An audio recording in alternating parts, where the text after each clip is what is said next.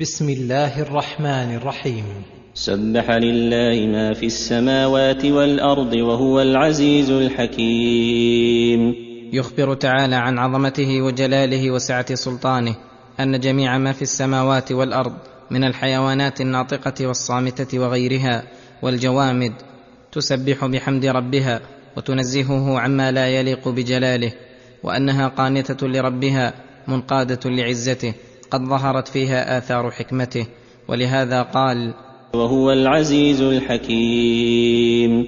فهذا فيه بيان عموم افتقار المخلوقات العلوية والسفلية لربها في جميع أحوالها وعموم عزته وقهره للأشياء كلها وعموم حكمته في خلقه وأمره.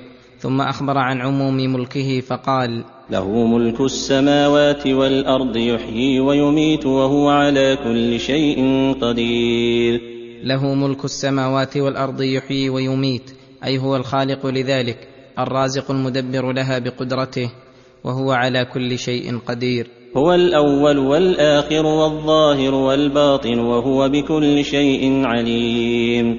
هو الأول الذي ليس قبله شيء والآخر الذي ليس بعده شيء والظاهر الذي ليس فوقه شيء والباطن الذي ليس دونه شيء. وهو بكل شيء عليم. قد أحاط علمه بالظواهر والبواطن والسرائر والخفايا والأمور المتقدمة والمتأخرة. هو الذي خلق السماوات والأرض في ستة أيام ثم استوى على العرش يعلم ما يلج في الأرض وما يخرج منها وما ينزل من السماء وما يعرج فيها وهو معكم أينما كنتم والله بما تعملون بصير. هو الذي خلق السماوات والأرض في ستة أيام أولها يوم الأحد وآخرها يوم الجمعة ثم استوى على العرش استواء يليق بجلاله فوق جميع خلقه.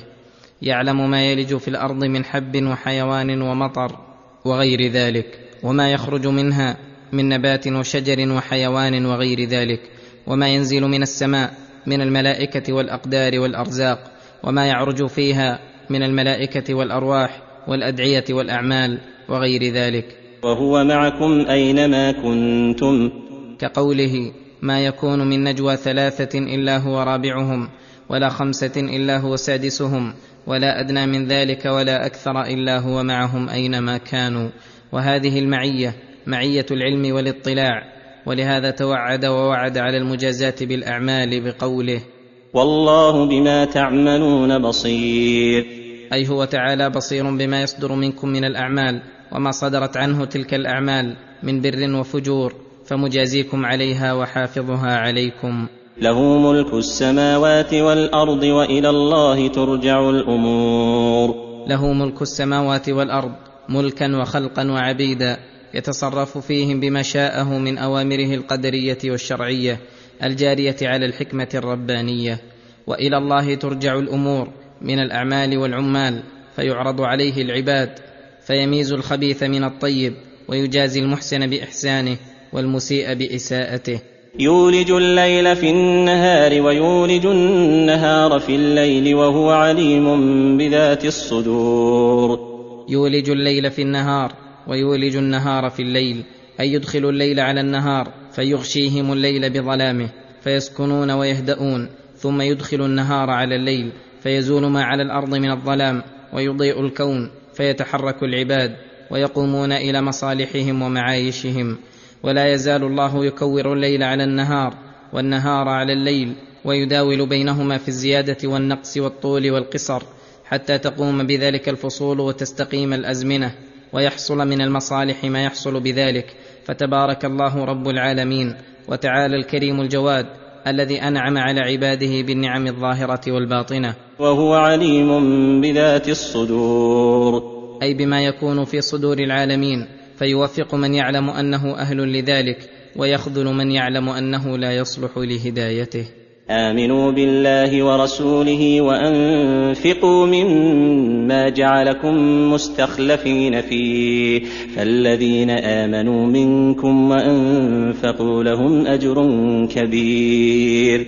يأمر تعالى عباده بالإيمان به وبرسوله وبما جاء به وبالنفقة في سبيله من الأموال التي جعلها الله في أيديهم واستخلفهم عليها لينظر كيف يعملون. ثم لما أمرهم بذلك رغبهم وحثهم عليه بذكر ما رتب عليه من الثواب فقال فالذين آمنوا منكم وأنفقوا لهم أجر كبير. فالذين آمنوا منكم وأنفقوا أي جمعوا بين الإيمان بالله ورسوله والنفقة في سبيله لهم أجر كبير أعظمه وأجله رضا ربهم والفوز بدار كرامته وما فيها من النعيم المقيم الذي أعده الله للمؤمنين والمجاهدين. ثم ذكر السبب الداعي لهم إلى الإيمان وعدم المانع منه فقال وما لكم لا تؤمنون بالله والرسول يدعوكم لتؤمنوا بربكم وقد اخذ ميثاقكم ان كنتم مؤمنين. أي أيوة وما الذي يمنعكم من الإيمان؟ والحال أن الرسول محمدا صلى الله عليه وسلم أفضل الرسل وأكرم داع دعا إلى الله يدعوكم. فهذا مما يوجب المبادرة إلى إجابة دعوته والتلبية والإجابة للحق الذي جاء به. وقد أخذ عليكم العهد والميثاق بالإيمان إن كنتم مؤمنين. ومع ذلك من لطفه وعنايته بكم أنه لم يكتف بمجرد دعوة الرسول الذي هو أشرف العالم بل أيده بالمعجزات ودلكم على صدق ما جاء به بالآيات البينات. فلهذا قال هو الذي ينزل على عبده آيات بينات ليخرجكم من الظلمات إلى النور وإن الله بكم لرءوف رحيم. هو الذي ينزل على عبده آيات بينات أي ظاهرات تدل أهل العقول على صدق كل ما جاء به وأنه حق اليقين ليخرجكم بإرسال الرسول إليكم وما أنزله الله على يده من الكتاب والحكمة من الظلمات إلى النور أي من ظلمات الجهل والكفر إلى نور العلم والإيمان وهذا من رحمته بكم ورأفته حيث كان أرحم بعباده من الوالدة بولدها. وإن الله بكم لرءوف رحيم. وما لكم ألا تنفقوا في سبيل الله ولله ميراث السماوات والأرض. أي أيوة وما الذي يمنعكم من النفقة في سبيل الله وهو طرق الخير كلها ويوجب لكم أن تبخلوا. والحال أنه ليس لكم شيء بل لله ميراث السماوات والأرض فجميع الأموال ستنتقل من أيديكم أو تنقلون عنها. ثم يعود الملك إلى مالكه تبارك وتعالى. فاغتنموا الإنفاق ما دامت الأموال في أيديكم وانتهزوا الفرصة. ثم ذكر تعالى تفاضل الأعمال بحسب الأحوال والحكمة الإلهية. فقال لا يستوي منكم من أنفق من قبل الفتح وقاتل. أولئك أعظم درجة من الذين أنفقوا من بعد وقاتلوا. وكلا وعد الله الحسنى والله بما تعملون خبير. المراد بالفتح هنا هو فتح الحديبية حين جرى من الصلح بين الرسول وبين قريش. مما هو أعظم الفتوحات التي حصل بها نشر الإسلام واختلاط المسلمين بالكافرين والدعوة إلى الدين من غير معارض. فدخل الناس من ذلك الوقت في دين الله أفواجا واعتز الإسلام عزا عظيما. وكان المسلمون قبل هذا الفتح لا يقدرون على الدعوة إلى الدين في غير البقعة التي أسلم أهلها كالمدينة وتوابعها. وكان من أسلم من أهل مكة وغيرها من ديار المشركين يؤذى ويخاف. فلذلك كان من أسلم قبل الفتح وأنفق وقاتل أعظم درجة وأجرا وثوابا ممن لم يسلم ويقاتل وينفق إلا بعد ذلك كما هو مقتضى الحكمة. ولذلك كان السابقون وفضلاء الصحابة غالبهم أسلم قبل الفتح.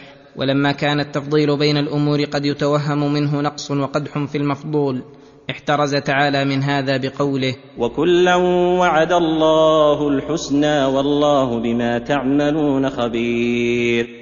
وكلا وعد الله الحسنى.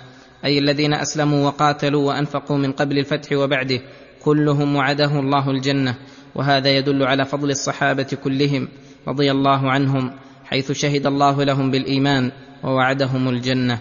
والله بما تعملون خبير. فيجازي كلا منكم على ما يعلمه من عمله ثم حث على النفقة في سبيله لأن الجهاد متوقف على النفقة فيه وبذل الأموال في التجهز له. فقال من ذا الذي يقرض الله قرضا حسنا فيضاعفه له وله أجر كريم. من ذا الذي يقرض الله قرضا حسنا وهي النفقة الطيبة التي تكون خالصة لوجه الله موافقة لمرضاة الله من مال حلال طيب طيبة به نفسه وهذا من كرم الله تعالى حيث سماه قرضا والمال ماله. والعبد عبده ووعد بالمضاعفة عليه اضعافا كثيرة وهو الكريم الوهاب. وتلك المضاعفة محلها وموضعها يوم القيامة يوم كل يتبين فقره ويحتاج إلى أقل شيء من الجزاء الحسن. ولذلك قال يوم ترى المؤمنين والمؤمنات يسعى نورهم بين أيديهم وبأيمانهم بشراكم اليوم جنات تجري من تحتها الأنهار خالدين فيها ذلك هو الفوز العظيم. يقول تعالى مبينا لفضل الإيمان واغتباط أهله به يوم القيامة. يوم ترى المؤمنين والمؤمنات يسعى نورهم بين أيديهم وبأيمانهم. أي إذا كان يوم القيامة وكورت الشمس وخسف القمر وصار الناس في الظلمة ونصب الصراط على متن جهنم فحينئذ ترى المؤمنين والمؤمنات يسعى نورهم بين أيديهم وبأيمانهم فيمشون بأيمانهم ونورهم في ذلك الموقف الهائل الصعب. كل على قدر إيمانه ويبشرون عند ذلك بأعظم بشارة فيقال بشراكم اليوم جنات تجري من تحتها الأنهار خالدين فيها ذلك هو الفوز العظيم. فلله ما أحلى هذه البشارة بقلوبهم وألذها لنفوسهم حيث حصل لهم كل مطلوب محبوب ونجوا من كل شر ومرهوب. يوم يقول المنافقون والمنافقات للذين آمنوا انظرونا نقتبس من نوركم قيل ارجعوا وراءكم فالتمسوا نورا فضرب بينهم بسور له باب باطنه فيه الرحمة وظاهره من قبله العذاب. فإذا رأى المنافقون نور المؤمنين يمشون به وهم قد طفئ نورهم وبقوا في الظلمات حائرين. قالوا للمؤمنين انظرونا نقتبس من نوركم أي أمهلونا لننال من نوركم ما نمشي به لننجو من العذاب. قيل ارجعوا وراءكم فالتمسوا نورا. فقيل لهم ارجعوا وراءكم فالتمسوا نورا أي إن كان ذلك ممكنا والحال أن ذلك غير ممكن بل هو من المحالات. فضرب بين المؤمنين والمنافقين بسور أي حائط منيع وحصن حصين له باب باطنه فيه الرحمة وهو الذي يلي المؤمنين وظاهره من قبله العذاب وهو الذي يلي المنافقين. فينادي المنافقون المؤمنين فيقولون لهم تضرعا وترحما. ينادونهم ألم نكن معكم؟ قالوا بلى ولكنكم فتنتم أنفسكم وتربصتم وارتبتم. ألم نكن معكم في الدنيا؟ نقول لا إله إلا الله ونصلي ونصوم ونجاهد ونعمل مثل عملكم. قالوا بلى كنتم معنا في الدنيا وعملتم في الظاهر مثل عملنا ولكن أعمالكم أعمال المنافقين. من غير إيمان ولا نية صادقة صالحة. بل فتنتم أنفسكم وتربصتم وارتبتم. أي شككتم في خبر الله الذي لا يقبل شكا. وتربصتم وارتبتم وغرتكم الأماني حتى جاء أمر الله وغركم بالله الغرور. وغرتكم الأماني الباطلة حيث تمنيتم أن تنالوا منال المؤمنين وأنتم غير موقنين. حتى جاء أمر الله أي حتى جاءكم الموت وأنتم بتلك الحال الذميمة وغركم بالله الغرور وهو الشيطان الذي زين لكم الكفر والريب فاطمأننتم به ووثقتم بوعده وصدقتم خبره. فاليوم لا يؤخذ منكم فدية ولا من الذين كفروا مأواكم النار. مأواكم النار هي مولاكم وبئس المصير. فاليوم لا يؤخذ منكم فدية ولا من الذين كفروا فلو افتديتم بمثل الأرض ذهبا ومثله معه لما تقبل منكم. مأواكم النار أي مستقركم هي مولاكم التي تتولاكم وتضمكم إليها. وبئس المصير النار. قال تعالى وأما من خفت موازينه فأمه هاوية. وما أدراك ما هي نار حامية.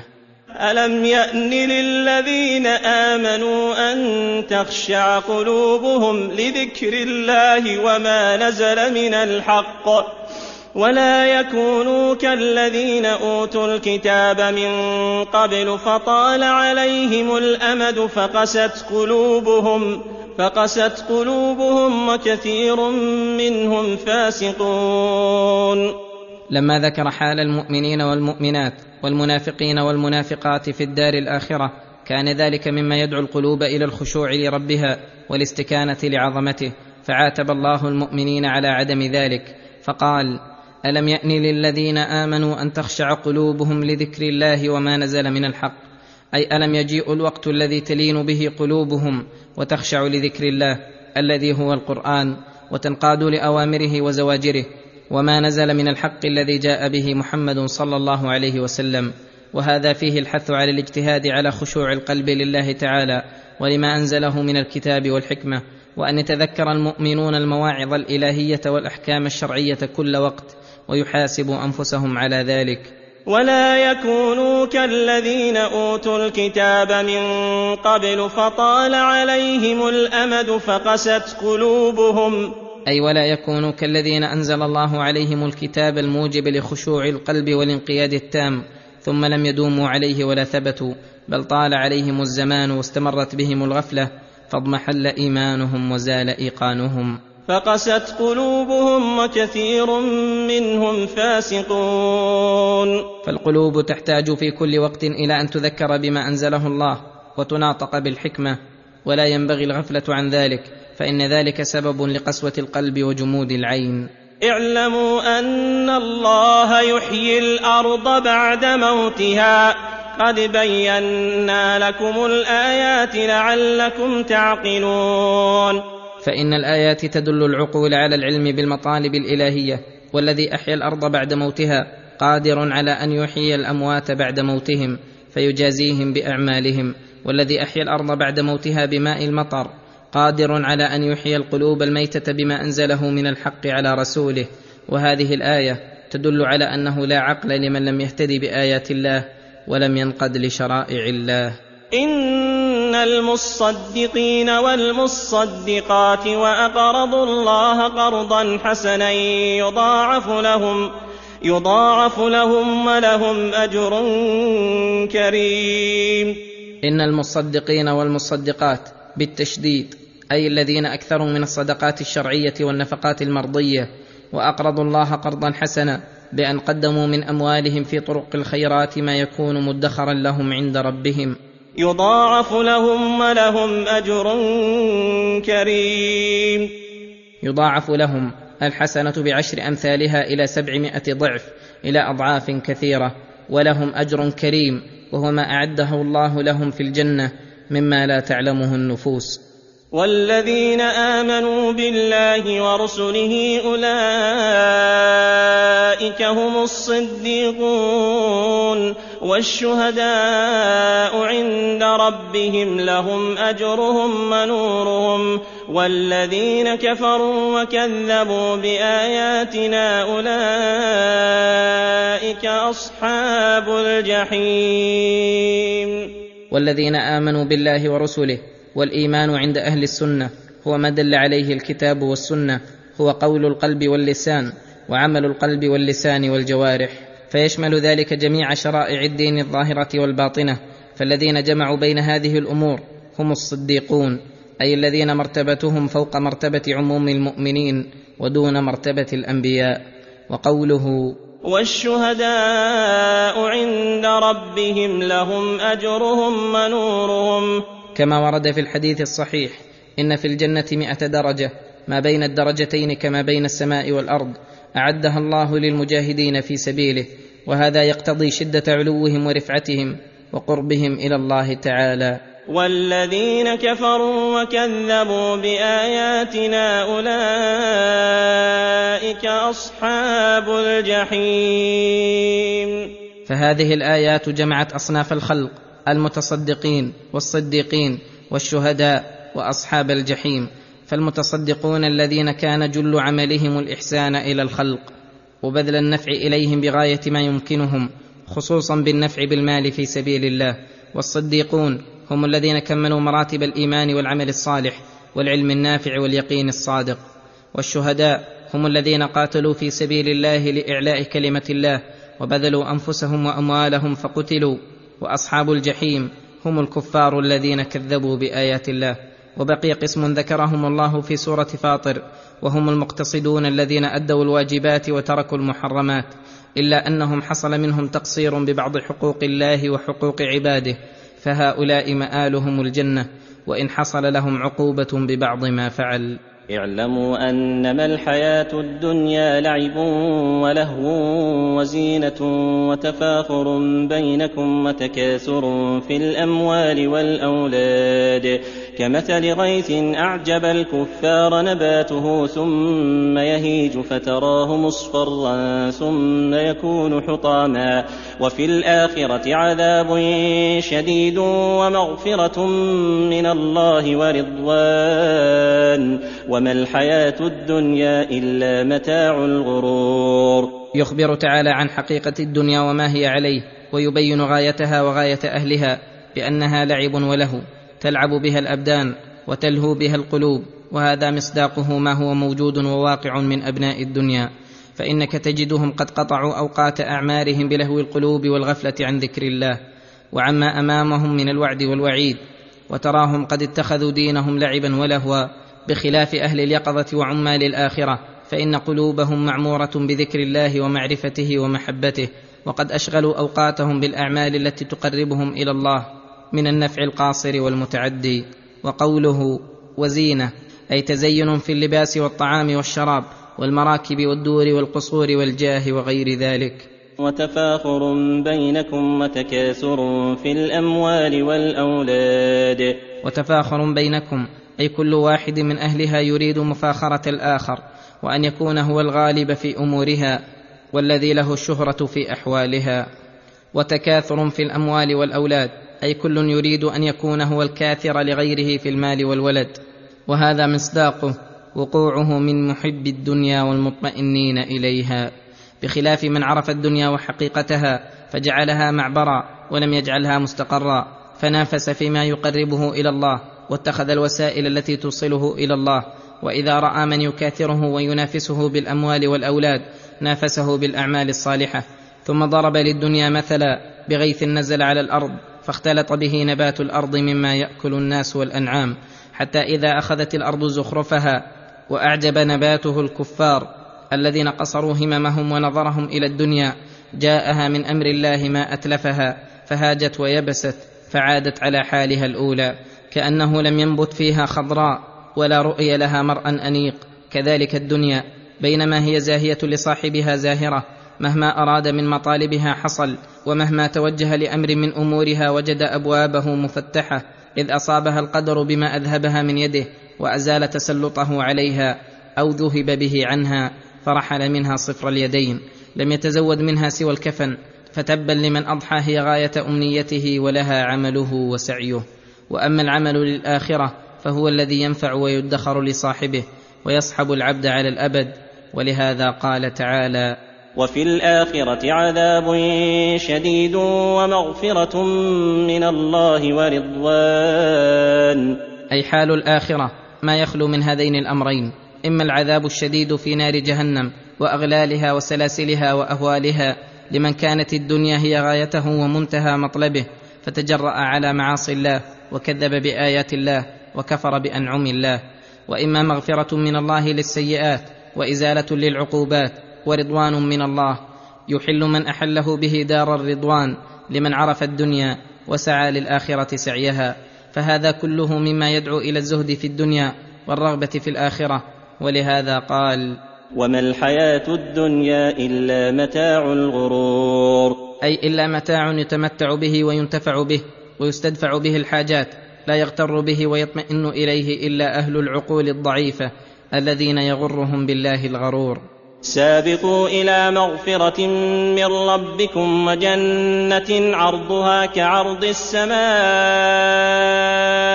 والأرض أعدت للذين آمنوا أعدت للذين آمنوا بالله ورسله ذلك فضل الله يؤتيه من يشاء. والله ذو الفضل العظيم. ثم أمر بالمسابقة إلى مغفرة الله ورضوانه وجنته وذلك يكون بالسعي بأسباب المغفرة من التوبة النصوح والاستغفار النافع والبعد عن الذنوب ومظانها والمسابقة إلى رضوان الله بالعمل الصالح. والحرص على ما يرضي الله على الدوام من الإحسان في عبادة الخالق والإحسان إلى الخلق بجميع وجوه النفع. ولهذا ذكر الله الأعمال الموجبة لذلك فقال أعدت للذين آمنوا بالله ورسله ذلك فضل الله يؤتيه من يشاء. والإيمان بالله ورسله يدخل فيه أصول الدين وفروعها. ذلك فضل الله يؤتيه من يشاء. أي هذا الذي بيناه لكم وذكرنا لكم فيه الطرق الموصلة إلى الجنة والطرق الموصلة إلى النار وأن فضل الله بالثواب الجزيل والأجر العظيم من أعظم منته على عباده وفضله. والله ذو الفضل العظيم. الذي لا يحصى ثناء عليه بل هو كما أثنى على نفسه وفوق ما يثني عليه عباده. ما أصاب من مصيبة في الأرض ولا في أنفسكم إلا في كتاب من قبل أن نبرأها إن ذلك على الله يسير. يقول تعالى مخبرا عن عموم قضائه وقدره ما اصاب من مصيبه في الأرض ولا في انفسكم؟ وهذا شامل لعموم المصائب التي تصيب الخلق من خير وشر فكلها قد كتبت في اللوح المحفوظ صغيرها وكبيرها. وهذا أمر عظيم لا تحيط به العقول بل تذهل عنده أفئدة أولي الألباب ولكنه على الله يسير. لكي لا تأسوا على ما فاتكم ولا تفرحوا بما آتاكم والله لا يحب كل مختال فخور. وأخبر الله عباده بذلك لأجل أن تتقرر هذه القاعدة عندهم ويبنوا عليها ما أصابهم من الخير والشر. فلا يأسوا ويحزنوا على ما فاتهم مما طمحت له أنفسهم وتشوفوا إليه لعلمهم أن يكون ذلك مكتوب في اللوح المحفوظ.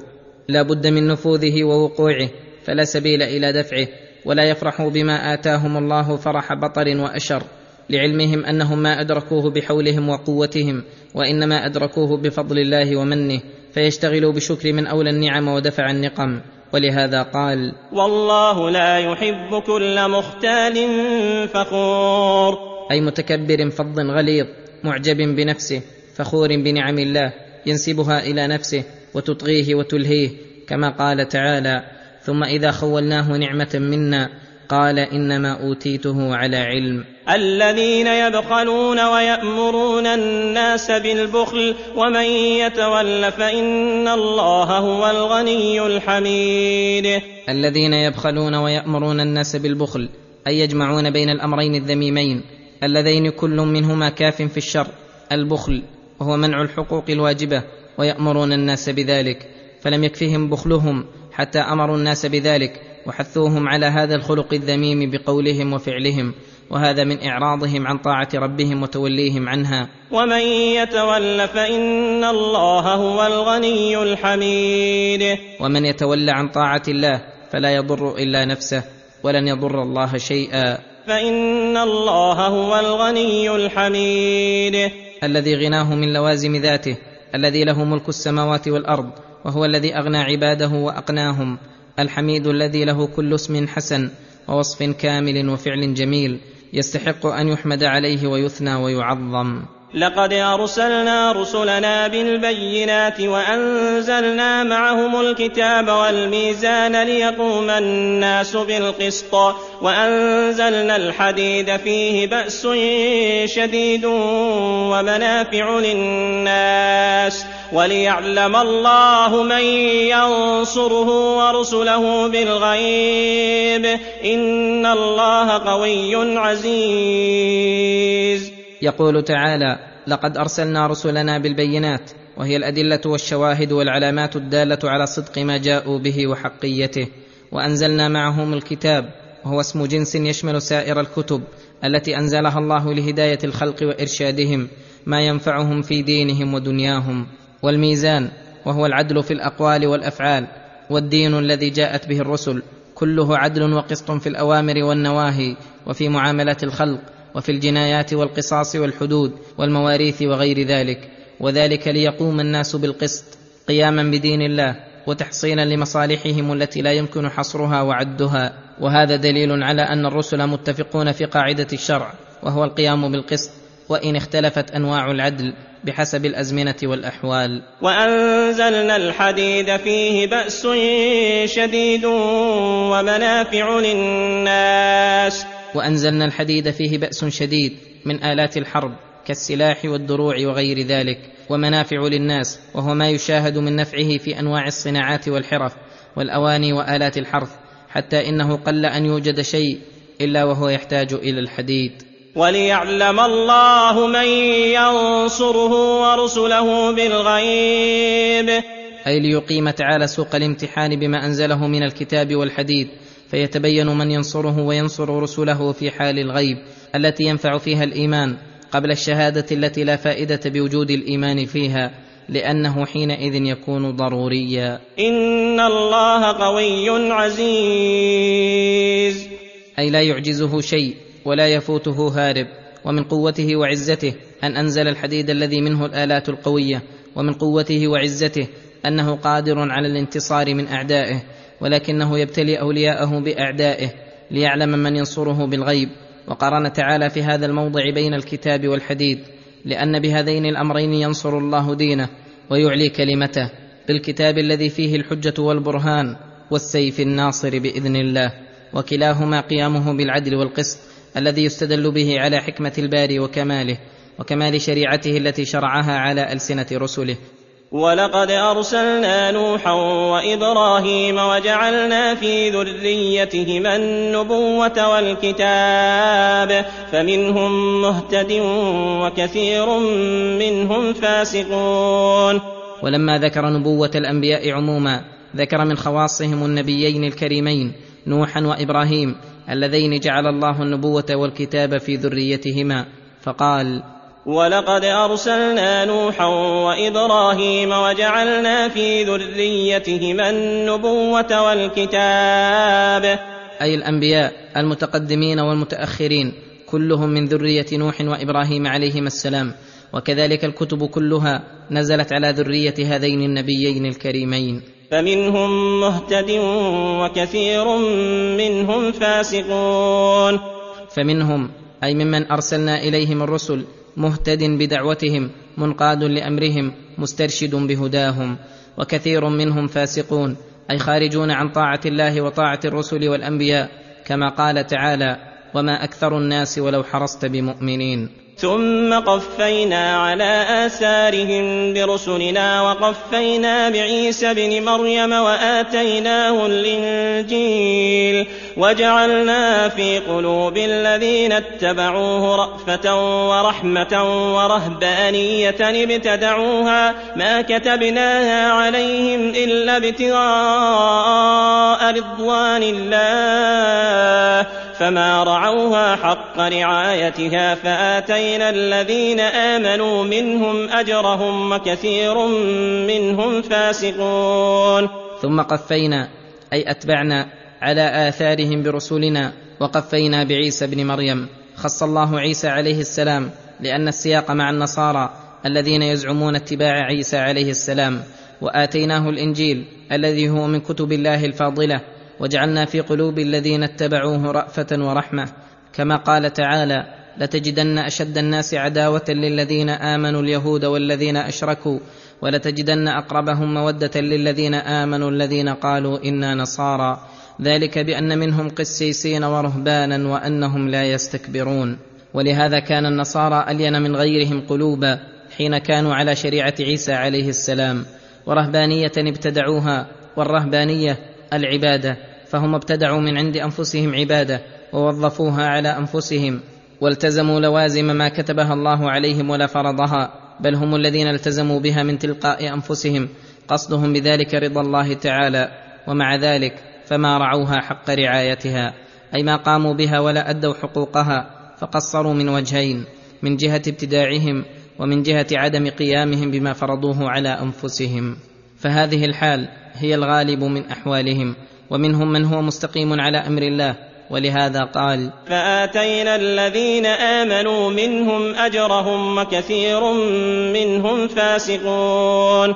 فآتينا الذين آمنوا منهم أجرهم أي الذين آمنوا بمحمد صلى الله عليه وسلم مع إيمانهم بعيسى كل أعطاه الله على حسب إيمانه وكثير منهم فاسقون. يا أيها الذين آمنوا اتقوا الله وآمنوا برسوله يؤتكم كفلين من رحمته ويجعل لكم نورا ويجعل لكم نورا تمشون به ويغفر لكم والله غفور رحيم. وهذا الخطاب يحتمل أنه خطاب لأهل الكتاب الذين آمنوا بموسى وعيسى عليهما السلام يأمرهم أن يعملوا بمقتضى إيمانهم. بأن يتقوا الله فيتركوا معاصيه ويؤمنوا برسوله محمد صلى الله عليه وسلم وأنهم إن فعلوا ذلك أعطاهم الله كفلين من رحمته أي نصيبين من الأجر. نصيب على إيمانهم بالأنبياء الأقدمين ونصيب على إيمانهم بمحمد صلى الله عليه وسلم. ويحتمل أن يكون الأمر عاما يدخل فيه أهل الكتاب وغيرهم وهذا الظاهر وأن الله أمرهم بالإيمان والتقوى الذي يدخل فيه جميع الدين ظاهره وباطنه. اصوله وفروعه وأنهم إن امتثلوا هذا الأمر العظيم أعطاهم الله كفلين من رحمته لا يعلم وصفهما وقدرهما إلا الله تعالى أجر على الإيمان وأجر على التقوى أو أجر على امتثال الأوامر وأجر على اجتناب النواهي أو أن التثنية المراد بها تكرار الإيتاء مرة بعد أخرى. ويجعل لكم نورا تمشون به ويغفر لكم والله غفور رحيم. ويجعل لكم نورا تمشون به أي يعطيكم علما وهدى ونورا تمشون به في ظلمات الجهل ويغفر لكم السيئات. والله ذو الفضل العظيم. فلا يستكثر هذا الثواب على فضل ذي الفضل العظيم. الذي عم فضله أهل السماوات والأرض فلا يخلو مخلوق من فضله طرفة عين ولا أقل من ذلك. وقوله لئلا يعلم أهل الكتاب ألا يقدرون على شيء من فضل الله وأن الفضل بيد الله يؤتيه من يشاء والله ذو الفضل العظيم. أي بينا لكم فضلنا وإحساننا لمن آمن إيمانا عاما. واتقى الله وآمن برسوله لأجل أن أهل الكتاب يكون لديهم علم بأنهم لا يقدرون على شيء من فضل الله أي لا يحجرون على الله بحسب أهوائهم وعقولهم الفاسدة فيقولون لن يدخل الجنة إلا من كان هودا أو نصارى ويتمنون على الله الأماني الفاسدة. فأخبر الله تعالى أن المؤمنين برسوله محمد صلى الله عليه وسلم المتقين لله لهم كفلان من رحمته ونور ومغفرة. رغما على أنوف أهل الكتاب وليعلموا أن الفضل بيد الله يؤتيه من يشاء ممن اقتضت حكمته تعالى أن يؤتيه من فضله. والله ذو الفضل العظيم. الذي لا يقادر قدره.